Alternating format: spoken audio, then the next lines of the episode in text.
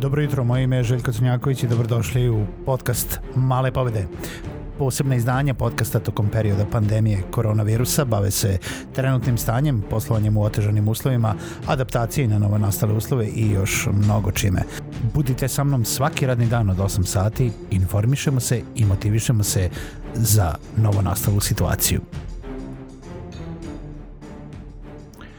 Pozdrav svima i dobro jutro i dobrodošli u novu epizodu podcasta Male pobede. Moje ime, kao što je uvod rekao, jeste Željko Cenjaković, a svima želim dobrodošlicu i želim zahvalnost da izrazim za to što ste i ovo jutro i ovaj dan sa ovom epizodom podcasta Male pobede. Nemojte zaboraviti da se prijavite na podcast na bilo kojoj platformi koju slušate ili da mi pišete na malepobede.gmail.com ili željko.malepobede.rs ali danas neću da ulazim previše u neku, neki uvod, u neku ono tipa pandemijsku sada reakciju reakciju na sve ovo, nego želim da vam najavim da imam gosta. Danas je ona specijalna epizoda kada imam gosta, jer sam upravo pričao sa njim i nekako je izvalio nešto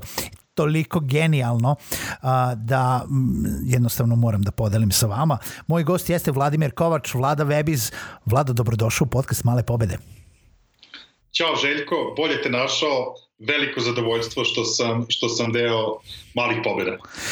Vlada je tokom našeg webinara koji smo imali pre jedno 15 minuta u poslednjih sat vremena izbacio jednu kovanicu, Vlado. Koja je to kovanica u ovom sad periodu koje, koje je jel da, veoma delikatno za svakog preduzetnika, za, za ceo biznis, za celu privredu, za ekonomski stvarima, za ceo svet. A to je prinudna digitalna transformacija. Pričamo o digitalnoj transformaciji već duže vreme, ali Šta je prinudna digitalna transformacija? E, prinudna digitalna transformacija, pa to je kovanica koja je meni poslednjih par dana pala na pamet, e,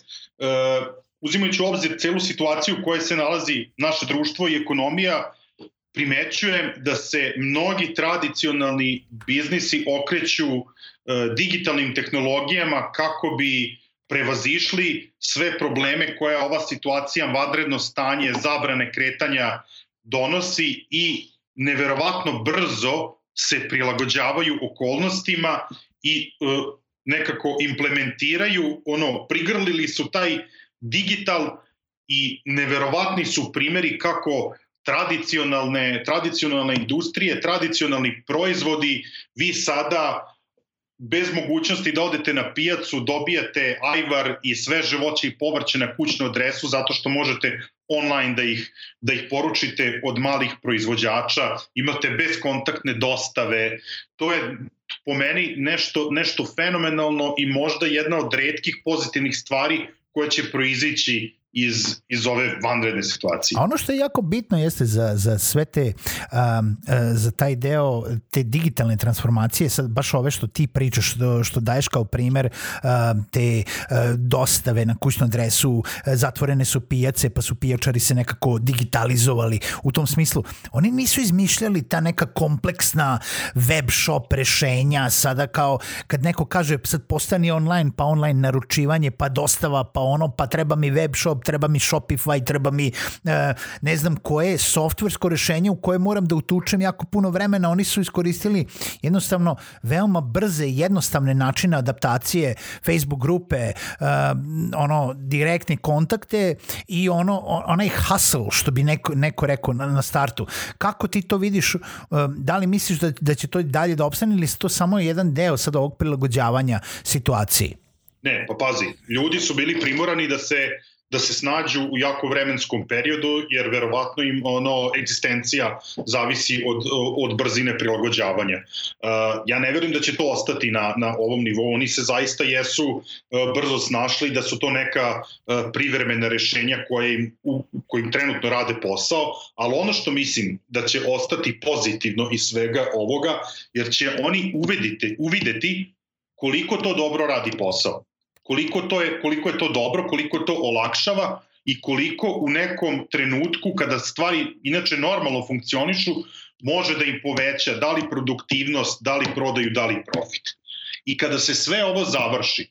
neće imati taj strah, neće imati ta, da kažem, e, e, tu odbojnost prema digitalnim tehnologijama, mislim da će im svima u glavi ostati taj neki crv kojim neće dati mire, želeće više da nauče o tome i želeće da ono što su izgradili u tom kratkom periodu, e, zahvaljujući čemu su preživjeli, da će želeti to da nadograde. Tako da ta neka privremena i rešenja koje su nama, koje smo tu negde u, u, u digitalu i u IT-u, koje su nama, ajde da kažem, ono, prizemna, uh,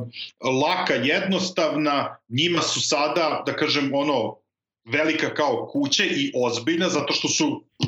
tek sada to prigrlili, ali želeće to sve da nadograde u periodima, u periodima koji, koji dolaze nakon ove krize. Ali Vlado, kada pričamo o digitalnoj transformaciji i inače kada smo slušali na svim webis događajima ovaj, pre, predavanja o digitalnoj transformaciji, pa ceo tvoj uh, događaj u junu jeste digitalna transformacija za velika preduzeća, često se javlja, mislim knjige su pisane o tome da je to ipak digitalizacija procesa, da je digitalna transformacija proces kroz koji treba da se prođe, postavka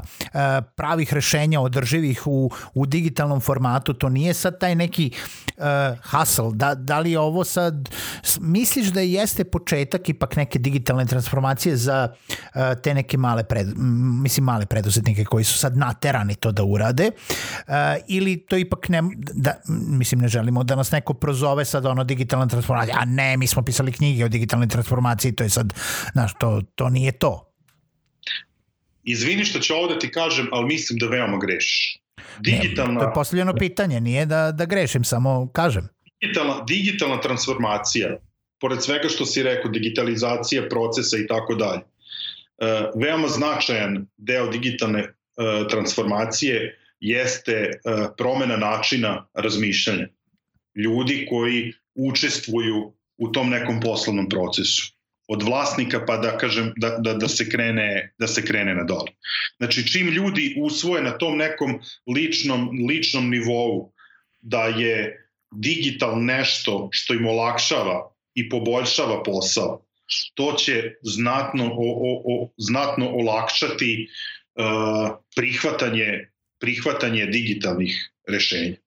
Zato to je to. Kažem, to je to što sam teo da čujem jer